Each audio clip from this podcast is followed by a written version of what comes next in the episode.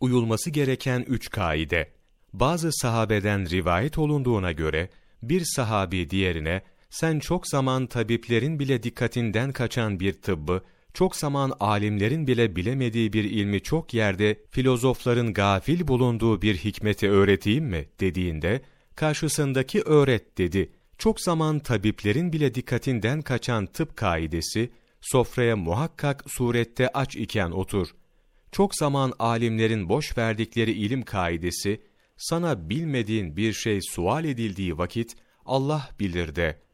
Çok zaman filozofların dikkat etmedikleri kaide, tanımadığın bir topluluk içinde bulunduğun zaman, eğer hayır söylerlerse, onlara iştirak et.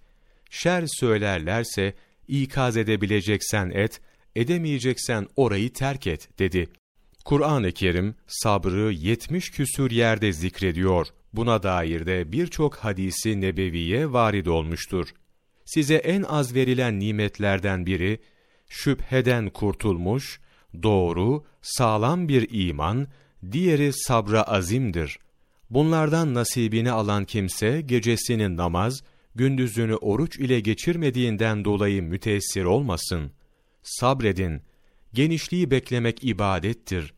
Eleminden şikayet etmemek, musibetini anmamak, Allahu Zülcelal'i tazimden ve onun hakkını bilmekten ileri gelir. Peygamberimiz sallallahu aleyhi ve sellem buyuruyor ki, Allahu Teala hiçbir gölgenin bulunmadığı kıyamet gününde yedi sınıf insanı kendi gölgesi altında gölgelendirir. Adaletten ayrılmayan devlet reisi, Allahu Teala'ya ibadet etmeyi şiar edinen genç, camiden döndükten sonra tekrar oraya dönünceye kadar kalbi camiye bağlı olan mümin, Allah Celle Celaluhu için birbirini seven iki kişi, tek başınayken Allahu Teala'yı anıp gözlerinden yaş akıtan kişi, soylu ve güzel bir kadının zina teklifini ben Allah'tan korkarım diyerek reddeden kimse, sağ elinin verdiğini sol eli bile bilmeyecek kadar gizli sadaka veren kimse, Buhari, Hazreti Mahmud Sami Ramazanoğlu, Musahabe 4 15 Kasım Mevlana takvimi